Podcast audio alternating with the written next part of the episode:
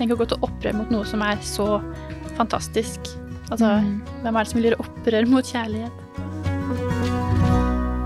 Hei og velkommen til bibelstudier om døden og fremtidshåpet. I 14 episoder så skal vi snakke om døden som tema, og lese bibeltekster relevant for det. Vi skal se forskjellige perspektiver på dette store temaet.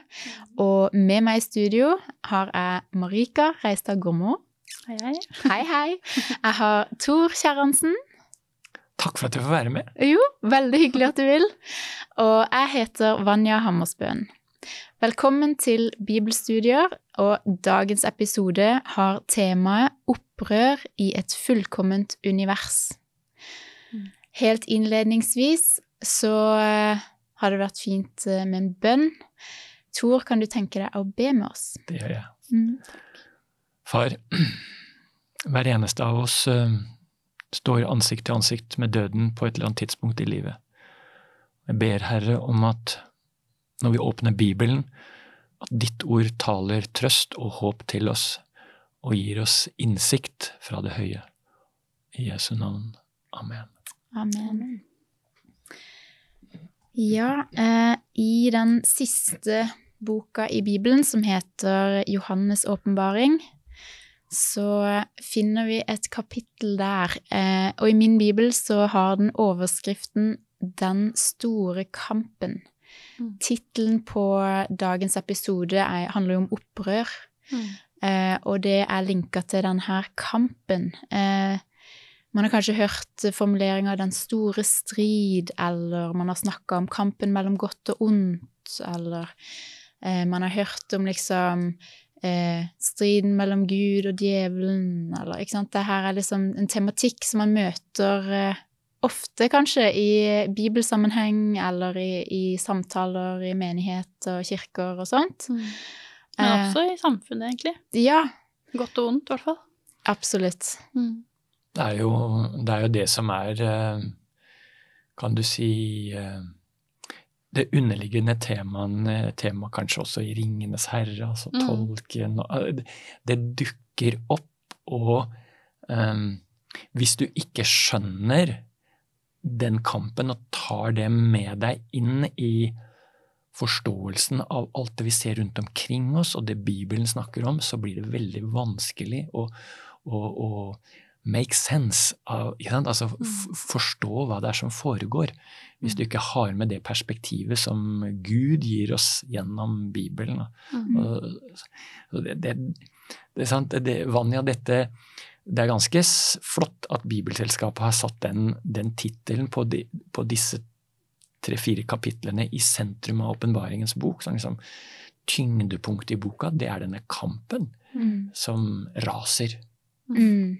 Og som vi ikke kan forholde oss nøytrale til. Vi, vi er jo blitt vant med krig i Europa, og eh, nøytralitet er ikke så enkelt. Mm. Eh, og i dette spørsmålet må vi absolutt ikke tilstribe nøytralitet. Det går galt. Ja, og så er det veldig fascinerende, syns jeg, at eh, dette er et tema som kommer så tydelig i den siste boka i Bibelen. at det forteller meg at her har det vært eh, antageligvis glimt av dette her helt fra start til slutt. Eh, og så får man på en måte en sånn oppsummering eller sånn kraftfullt sammendrag her, da. Mm. Eh, og jeg vil bare si litt sånn eh, som, som formidler av tro eller sånne temaer, så kan man bli veldig ivrig og tenke at bare å, nå skal vi liksom bare Nå må vi si alle svarene og, og komme liksom med hele pakka og eh, liksom bam, bam, bam, bam. Det ene etter det andre. Eh, men også her med tanke på dette temaet om den store strid eller den store kampen, så er det faktisk noe eh, som har blitt åpenbart ganske gradvis. Litt her, litt der, satt sammen puslespillbrikker. Um, ta for eksempel jobb. Uh, husker dere Jobbs bok? Mm. Den handler jo om jobb som uh, møter det vonde, lidelsen. Uh, og temaet liksom 'det ondes problem' er virkelig aktuelt. Mm. Og da får ikke han svar på hvorfor, hvorfor hvorfor, ikke sant? Mm. Eh, Vi som leser den, får jo se litt bak kulissene og se at liksom, her er det noe mer enn det som skjer med jobb. Mm. Vi får liksom et lite innblikk i den her store kampen eller den store striden og ser at det er både Gud og djevelen som er aktører der. Eh, Men jobb vet liksom ikke helt det. Jobb Mm. ser ikke det. Sånn at dette er jo en sannhet som har blitt åpenbart eh, mange steder i Bibelen, og blitt vist at liksom eh, det, ja, det går an å ha tiltro til Gud, selv om man ikke får svar på alle hvorfor. Mm. Men vi er heldige, for vi kan få svar på litt av hvorfor. Men det er sant det du sier, at det er åpenbart litt etter litt. For det, det begynner jo ikke med, med ikke hvor kommer det onde fra? Det er ikke det Bibelen begynner med. Nei. Den begynner med skapelsen. Og så ser vi jo at det er, eh, det er noe som ikke er bare godt, sånn, Mm. eller det er, det er et uromoment. Mm. Eh, Men det får man liksom lære utover i Bibelen. Så Mm. det er ikke nødvendigvis helt sånn kronologisk. Nei. Og det er veldig bevisst, tror jeg, Gud som har veiledet og inspirert at Bibelen er satt sammen på akkurat den måten den har blitt. Mm. Ja, det er kanskje en sånn pedagogisk måte Mm. at Gud kommer og sier se her, det var Utgangspunktet var overmåte godt og bra, Ja. og så forklarer han litt eh, hvor det gikk galt eh, underveis etter hvert. Mm. Men uh, slangen i paradiset, vet du, Mm. den er jo der. Ja, nettopp. Eh, Og det underslår ikke Gud Mm. veldig tidlig i Bibelen. Mm. Og, og det er jo blitt et uh, ordbilde som, som alle mennesker skjønner. Mm. Slangen i paradiset, Mm. Mm. sant? som ødelegger. Mm. Og når vi skal lese fra åpenbaringen kapittel 12, så er det bildet fra eh, Mm. første Mosebok, Mm. Bibelens aller første sider, det dukker opp. Mm. Definitivt som en klangbunn. Mm. Det gjør det. Skal vi begynne å lese? Ja. Marika hadde lyst å starte med å lese i Åpenbaringen kapittel 12, vers 1 til og med vers 6. Mm. Et stort tegn viste seg på himmelen. En kvinne som var kledd i solen, med månen under sine føtter, og med en krans av tolv stjerner på hodet. Hun var med barn og skrek i barselsmerter og fødselsrier. Ja, hvem er denne kvinnen? Er det en hvem som helst dame? Ikke sant? Hva Skal vi sette litt i kontekst, Tor? Ja, vi, vi må det, Ja. fordi eh, kvinnen er gjennom her brukt som et symbol på menigheten. Det er Mm. Guds folk Mm. uh, som er med Altså Man kunne jo tenke seg at det var med, med jomfru Maria, kunne man ha tenkt, ikke sant? Mm. Men, men det er litt større enn som så, fordi Ja. kvinnen er med, med barn, og, og, og det, er, det er frelseren som er, Mm. er eh, barnet. Mm. Og, så, og så er det veldig spennende når, når, når historien utvikler seg, Mm. at en kjempesvær ildrød drage blir livredd for et lite barn. Ja. Mm. ja. Marika, vil du lese videre? Ja, jeg må bare si noe mer. Så det er veldig interessant. Jeg har hatt et bibelstudie med en smågruppe en gang, og, og da hadde vi eh, et helt, altså en hel times lang studie om de to versene der. Ja. Så det er så mye der, og eh, man kan jo også tenke over de tolv stjernene. ikke sant? Eh, tallet tolv viser jo ofte til sant? de tolv eh, eh, stammene, de tolv eh, disiplene. Det er et tegn på, på Guds menighet, på Guds, Guds folk, da. Ja. Mm. Men ja, jeg leser videre. Også et annet tegn viste seg på himmelen. En stor, ildrød drage med sju hoder og ti horn. På hodene hadde den sju kroner. Halen rev ned en tredjedel av stjernene på himmelen og kastet dem ned på jorden. Dragen stilte seg foran kvinnen som skulle føde, for å sluke barnet så snart det var født. Da fødte hun et guttebarn som en gang skal styre alle folkeslag med jernstav. Og barnet ble rykket opp til Gud, til hans trone. Men kvinnen rømte ut i ødemarken, til et sted som Gud hadde gjort i stand, og der skulle hun i 1260 dager få den maten hun trengte. Ok, så her er det menighetshistorie, og her får vi mm. å høre liksom frelseren Vi får se glimt av frelseren. Jesus er Mm. i de Ja, vi- Ja, vi gjør det. Og, og, og man kan jo undres eh, hvorfor i all verdens rike denne voldsomme, dette voldsomme raseriet overfor det lille barnet. Mm. Det Ja. Mm. Og, og, og, Og da vil jo folk lett stille seg det spørsmålet, ja, men hallo, hva, hva er bakgrunnen for det? Mm. Og det kommer i de neste versene. Da kommer liksom et sånt Mm. eh, historisk tilbakeskuende Mm. som gir oss selve opphavet Mm. til denne konflikten. Mm. Jeg kan jo lese litt videre. I vers syv så står det Da brøt det ut en krig i himmelen. Mikael og englene hans gikk til krig mot dragen.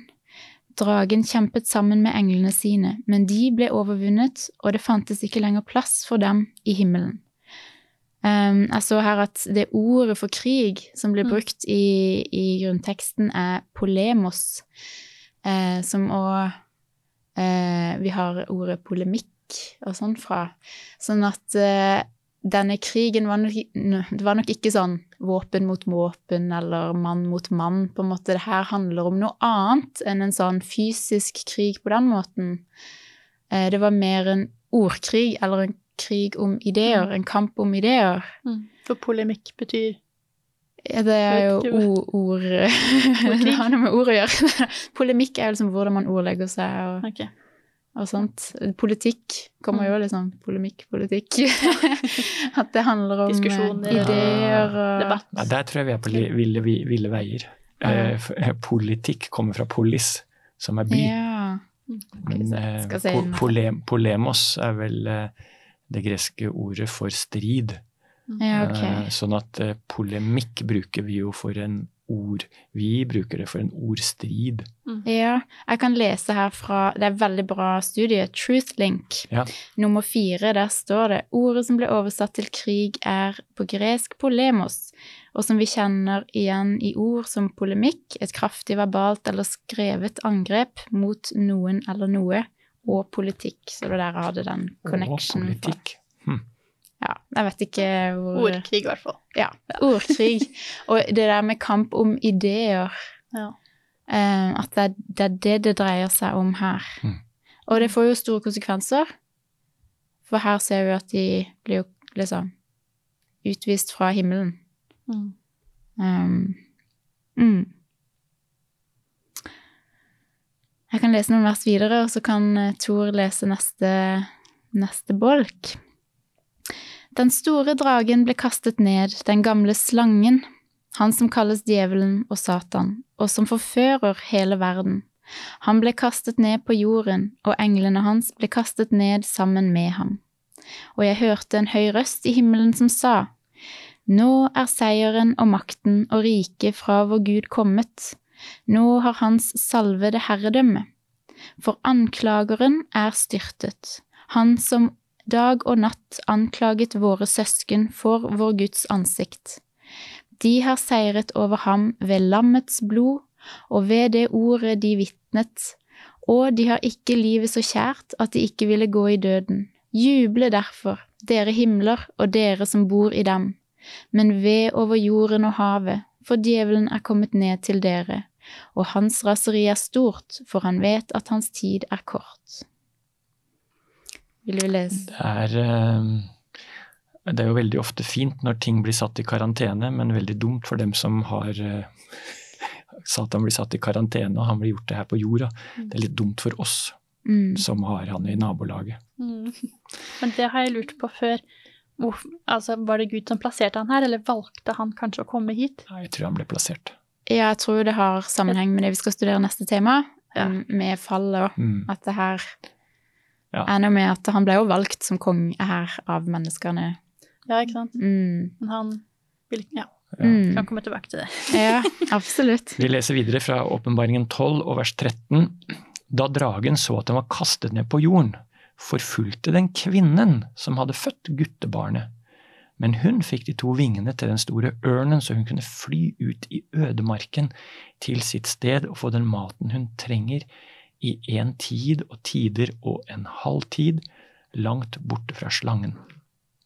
Ut av gapet spydde slangen vann som en elv etter kvinnen for å rive henne bort i strømmen, men jorden kom kvinnen til hjelp, og den åpnet munnen og slukte elven som dragen hadde spydd ut av gapet sitt.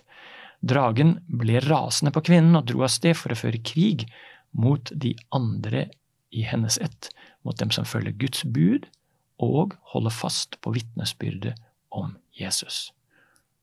Og den stilte seg på stranden ved havet. Ja, jeg syns Den store strid er kjempespennende tema. Mm. Og her får vi liksom veldig symbolsk eh, et overblikk. Og få får se at eh, Gud tar vare på menigheten. Gud vil seire selv om han er det lille barnet Mm. i møte med den store, skumle dragen. Mm. Um, og at eh, menigheten liksom vil bli tatt vare på, Mm. selv om det ser vanskelig ut, og det er liksom Mm. en vanskelig konflikt. Um, Hun er ute i ørkenen, og det er ikke bare bare. Mm. Og eh, hvordan kan man liksom oppsummere denne store kampen litt sånn enkelt? Kan man oppsummere den kort og konsist? Sånn, i, I denne sammenhengen da, så snakker vi Vi leser dette kapitlet for å gi oss en forståelse av hvorfor døden er her. Mm.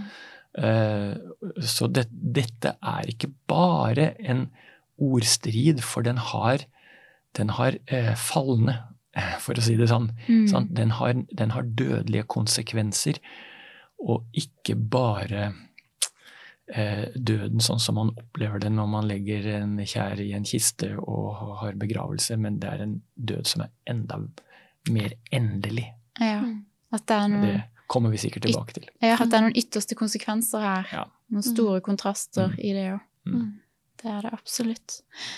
Eh, Bibelen gir oss òg eh, flere glimt av denne dragen. Den blir skildra andre steder òg, f.eks. i noen av de profetiske bøkene. Eh, vi kan jo gå til en av de. Vi kan jo kikke på Esekiel. Se hvordan dette beskrives i Esekiel kapittel 28, versene 12 til 19. Ja. Kan jeg bare si en ting først? Ja. For jeg bare tenkte over det da vi leste gjennom, fordi at det er en av de tingene som jeg tror er så viktig når man studerer Bibelen, spesielt profetier og når det er mye symbolikk, og det er det å la Bibelen eh, tolke seg Mm. selv. Og det er, det er det den gjør nettopp her, for ja, det, det står om drage kanskje flere steder, ikke sant, men, men her så står det jo at dragen er Satan, Um, altså han som kalles djevelen og Satan. Mm. Så hvis man leter, så finner man at eh, det står faktisk ofte med mange av symbolene. Så er det Mm. Så kommer det forklaringer. så man trenger ikke å tolke det og lure på alltid Mm. hva betyr det og det. Uh, Ja, det er et kjempeviktig prinsipp, eh, Marika, fordi du trenger ikke å gjette Mm. hva det dreier seg om, mm, for det gir Bibelen beskjed om. mm. Mm. Hvilke vers var det? Esekiel 28, Ja, vers eh, 12 til 19. 12 til 19. Og det er jo interessant, da her er vi jo midt i en, eh, en profetisk bok, Mm. eh, og eh, her handler det jo om eh, kongen av Tyros. Mm. Så det er noe Ja. Skal vi høre hva det står om han? Menneske, stem i en likklage over kongen av Tyros og si til ham.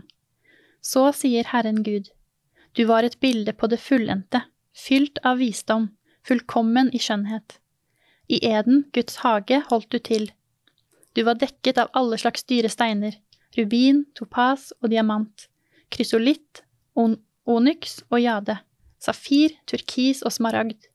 Forgylte kunstverk var dine trommer og fløyter, gjort i stand for deg den dagen du ble skapt. Du var en salvet kjerub, et vern. Jeg innsatte deg, du holdt til på Guds hellige fjell. Blant glødende steiner vandret du. Du var hel i din ferd fra den dagen du ble skapt, til det ble funnet urett hos deg. Din store handel fylte deg med vold, og du tok til å synde. Da støtte jeg deg bort fra gudefjellet og gjorde ende på deg, du vokter og kjerub blant glødende steiner. Ditt hjerte ble hovmodig fordi du var vakker.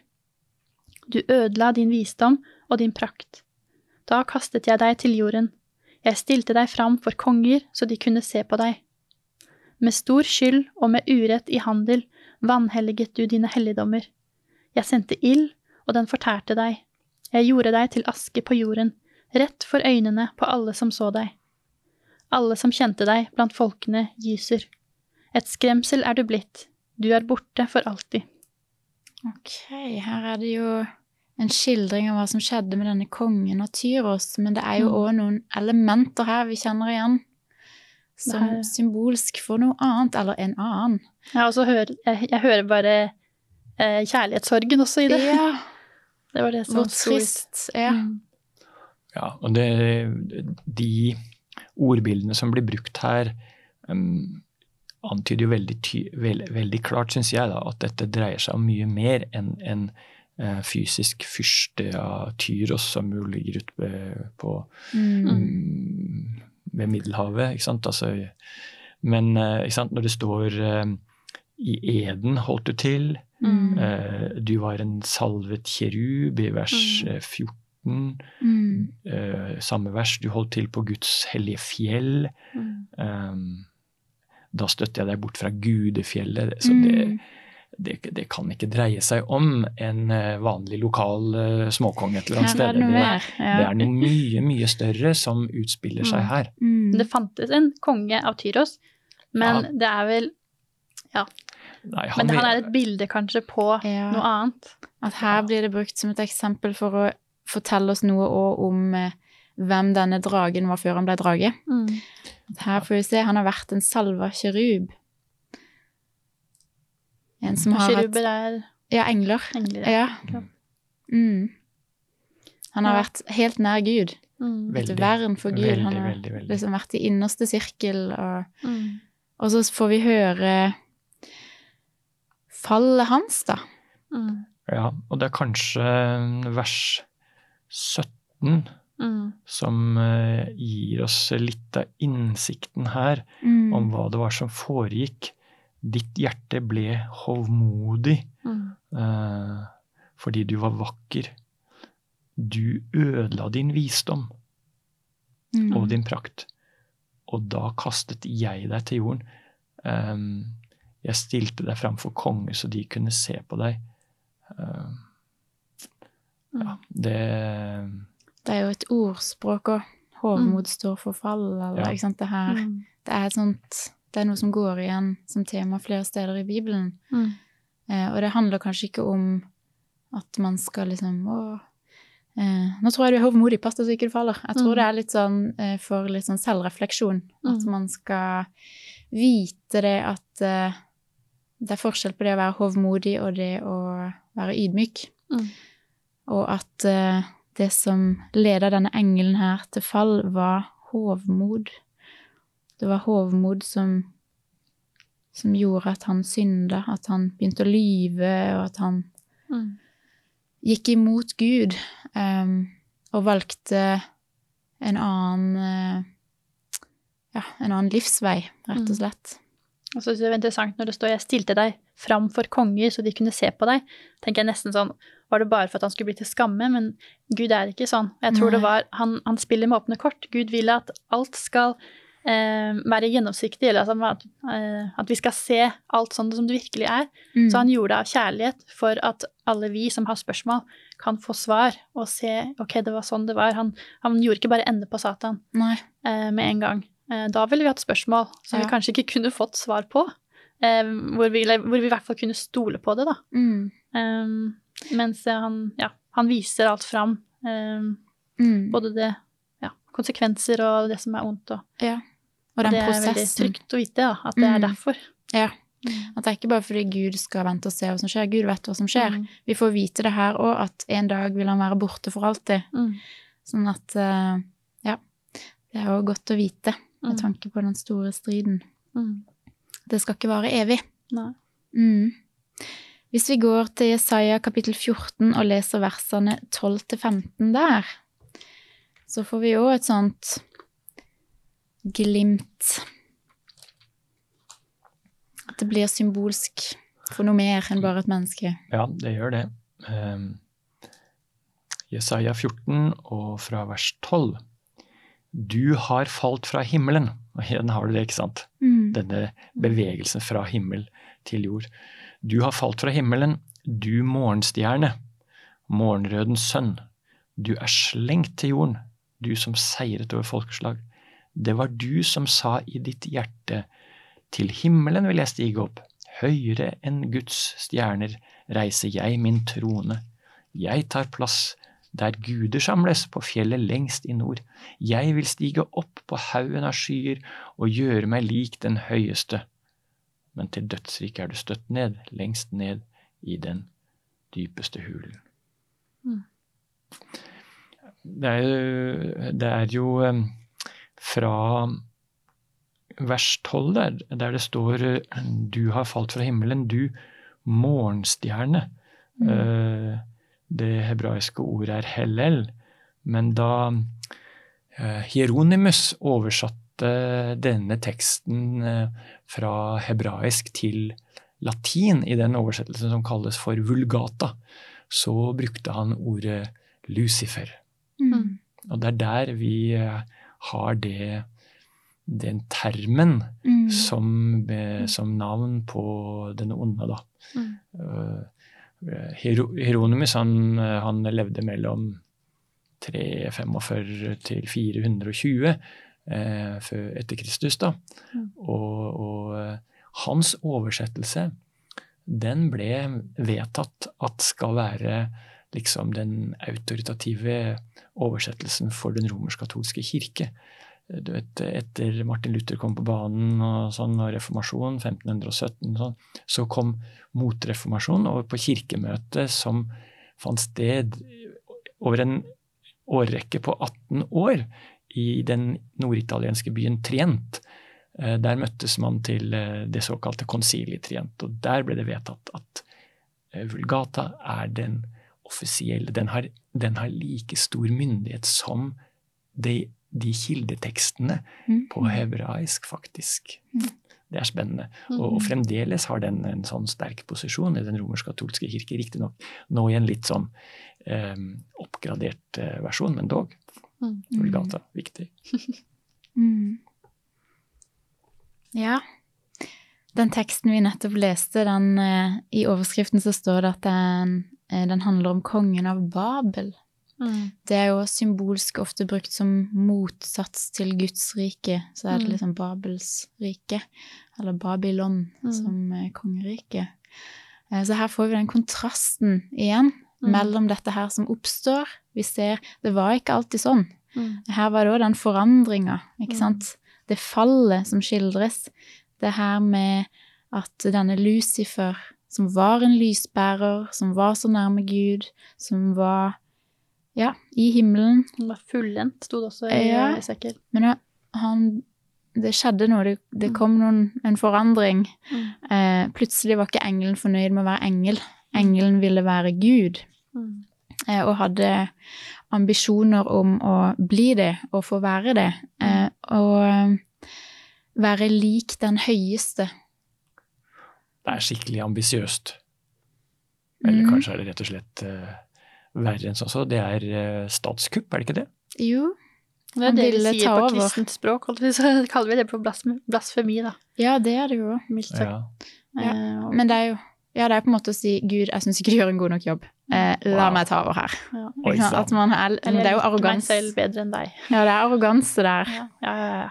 At, oi, oi. eh, For det er jo én ting eh, Gjennom Bibelen også ser vi at Gud er åpen for dialog. Gud Mm. kan ta kritikk. Ikke sant? Sånn, Mm. eh, vi ser jo det i, i dialoger Gud har med andre mennesker. Mm. At det er ikke det at Gud er vanskelig å få tak i, eller vanskelig å få til å lytte. Mm. Eh, Nei, så du det- tenker på Abraham, Ja, for eh, eksempel. Gud som kom for å ødelegge byene Eller, Ja, og advarer, og Ja. liksom de går i dialog, og Gud liksom er tilpasningsdyktig, da, ikke sant, og viser samarbeidsvilje og Ikke sant? Og møter menneskene der hvor de er. Ja.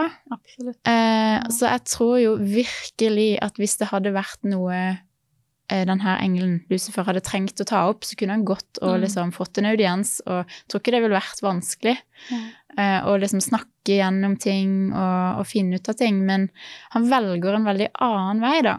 Mm. Det er liksom bakveien, baksnakking, eh, løgn, ryktespredning. Denne her krigen i himmelen blir jo liksom en kamp der han vil ha flest engler over på sin side sitt lag. Og, Tror du han kanskje misforsto Guds karakter, eller Gud, litt allerede Mm. da? Jeg, vet, jeg har ikke tenkt på det før, men kanskje han misforsto det litt, og så gikk han for langt, og så vil han at alle vi også skal, mm, eh, skal være i, med, i, i båten hans. At vi også skal misforstå Guds karakter. Men han kunne jo ha funnet ut av det bare han, Det kunne jo blitt oppklart. ja, absolutt. Han eh, Ja. Men han velger eh, Det er jo flaut å innrømme feil. Mm. Og den Ja. stoltheten kommer jo litt i veien for å innrømme feil. Jeg merker Mm. det i mitt liv, at hvis jeg liksom det, Ja. Det er litt sånn Du, altså hvor omfattende var dette angrepet på Guds eh, autoritet, da? mm. Eh, I den første teksten vi leste, i Åpenbaringen 12, så står det jo at uh, halen rev ned en tredjedel av stjernene på himmelen. Mm. Og ut fra den, den frasen der, da, så har jo mange tenkt at uh, ja, det var en tredjedel av Guds hellige engler som ble med på dette opprøret. Mm. Og det er jo Som ble lurt. Som ble Mm. lurt, ja. Mm. Mm. Men det er, jo, det er jo alvorlig. Ja.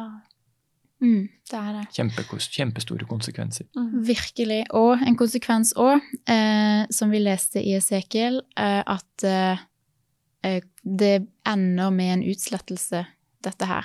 Dette opprøret ender med en utslettelse. At helt til slutt. Mm. Ja. Så der kommer liksom det med død inn i å være knytta til dette opprøret. Mm. At dette opprøret stopper ikke før den utslettelsen. Mm.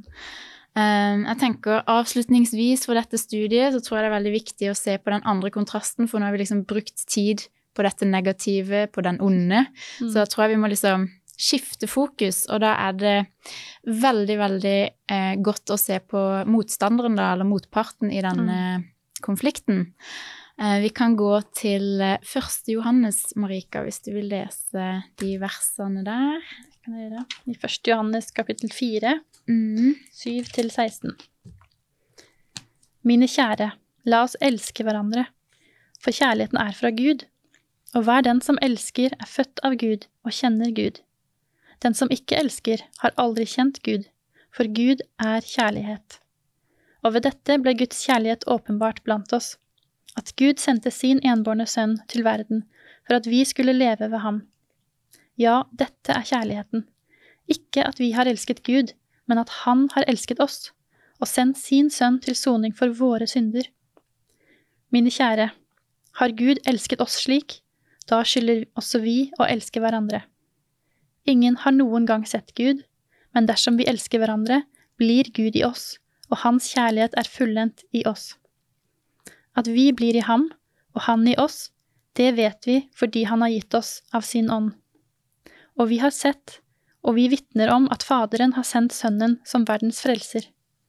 Om noen bekjenner at Jesus er Guds sønn, blir Gud i ham og han i Gud. Og vi har lært å kjenne den kjærlighet Gud har til oss, og vi har trodd på den. Gud er kjærlighet, og den som blir i kjærligheten, blir i Gud og Gud i ham. Det var dette han gjorde opprør mot. Ja, tenk det. Kjærligheten mot egoismen. Mm. Den store kontrasten. Voldsomt. Ja. Tenk å gå til opprør mot noe som er så fantastisk. Altså, Mm. hvem er det som vil gjøre opprør mot kjærlighet? Det er jo egoisme, da. Det er jo liksom den her balansen Mm. mellom Klarer jeg å balansere deg og meg, eller Mm. blir det lettere å bare si meg over deg? Ikke Mm. sant? Det er jo en sånn Mm. Og så, så må vi jo ta med det at når vi snakker om kjærlighet, så kjærlighet kan ikke eksistere uten at det er frihet. Ja.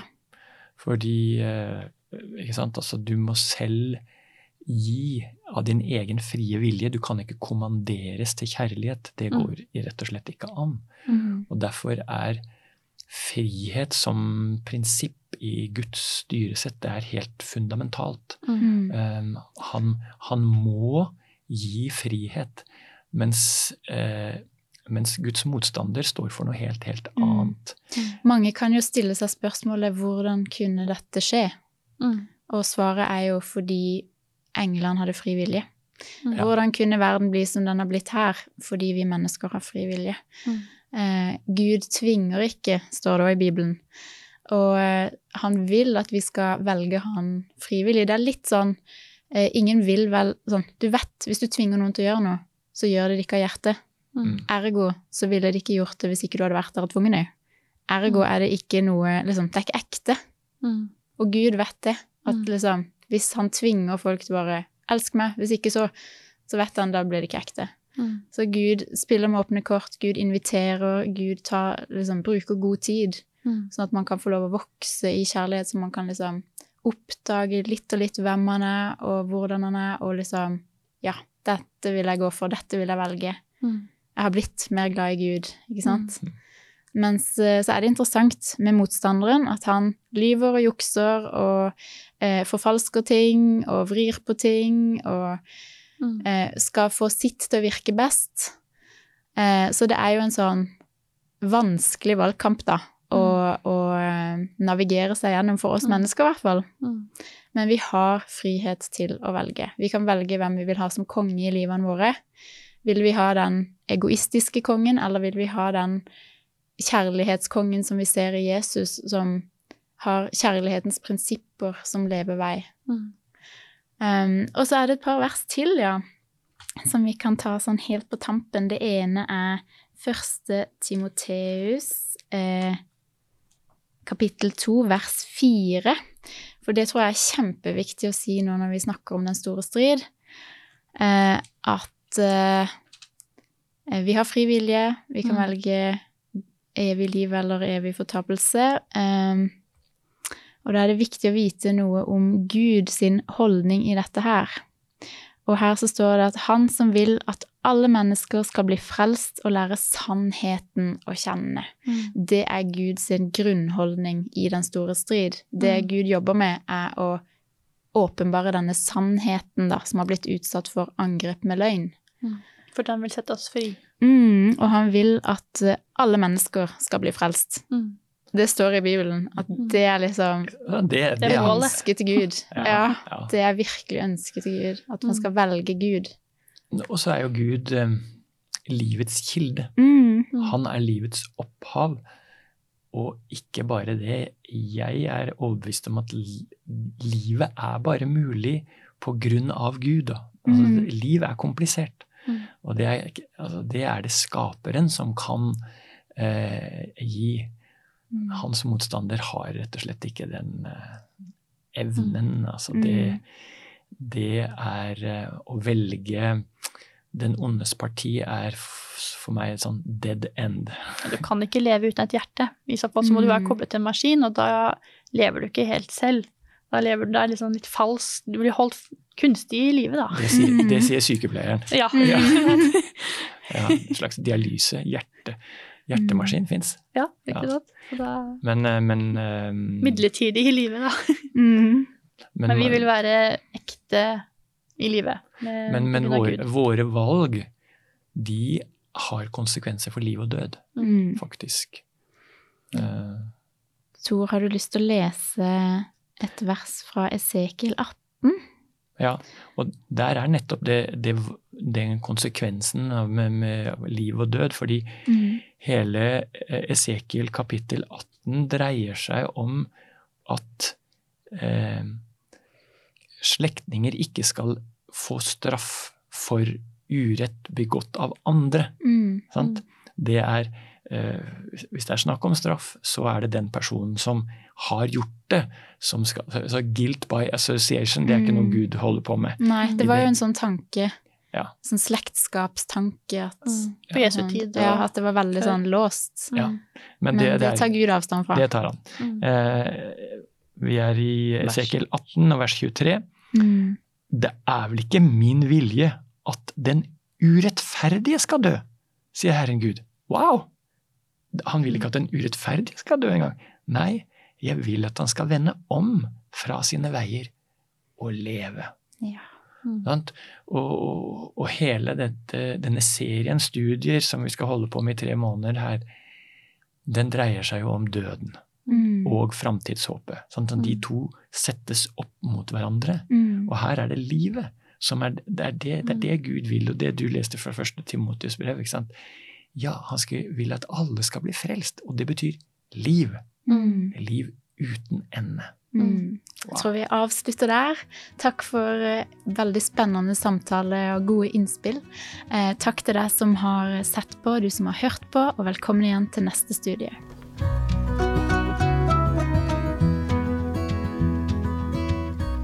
Du har nå hørt podkasten Bibelstudier fra Syvendedagsadventistkirken, produsert av Hope Channel Norge. Husk å følge podkasten, og inntil videre Guds velsignelse.